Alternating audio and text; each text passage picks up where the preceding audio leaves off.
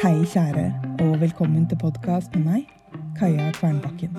I dag med et brev fra arkivet med en liten påminnelse om at det blir stadig mer nytt liv, selv om vi er på vei inn i den mørkeste årstiden. 1. Fyllepennen min er tom igjen. Jeg er overraska. Jeg fylte den i går morges. Selv på gode skrivedager er det sjelden jeg tømmer en hel penn. Jeg tenker på Neil Gaiman, som alltid fyller to fyllepenner før dagen begynner. Hver penn med sin egen farge. Når han blar tilbake gjennom notatboken, kan han raskt se om han har hatt en god skrivedag eller ikke. På en god skrivedag har han byttet penn og farge underveis. To. Jeg drar de visne bladene av vårløken.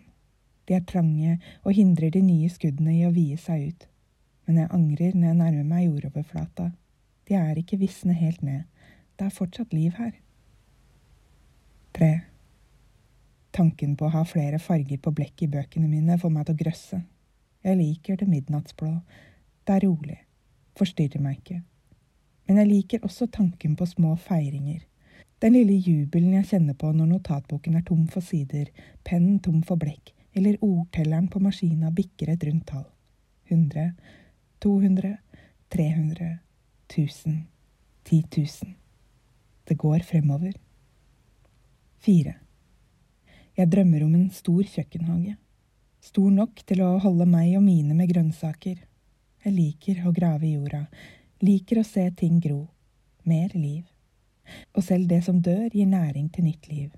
Stadig mere nytt liv. Fem. Jeg skriver med det jeg har for hånden. Kulepenn, fyllepenn, blyant. Jeg trenger ikke lage meg flere nevroser enn jeg allerede har. Flere fiktive skrivesperrer. Ordene teller like mye, uansett hva de er skrevet med. Jeg bare prøver å ha fyllepennen i nærheten. Fylt. Med riktig blekk. Seks. Noen ganger drømmer jeg om å bo et sted i varmen. På et hotell. Med basseng. Bo. Ikke bare besøke. Leve. Skrive. Jeg lurer på om de ville latt meg ha min egen kjøkkenhage.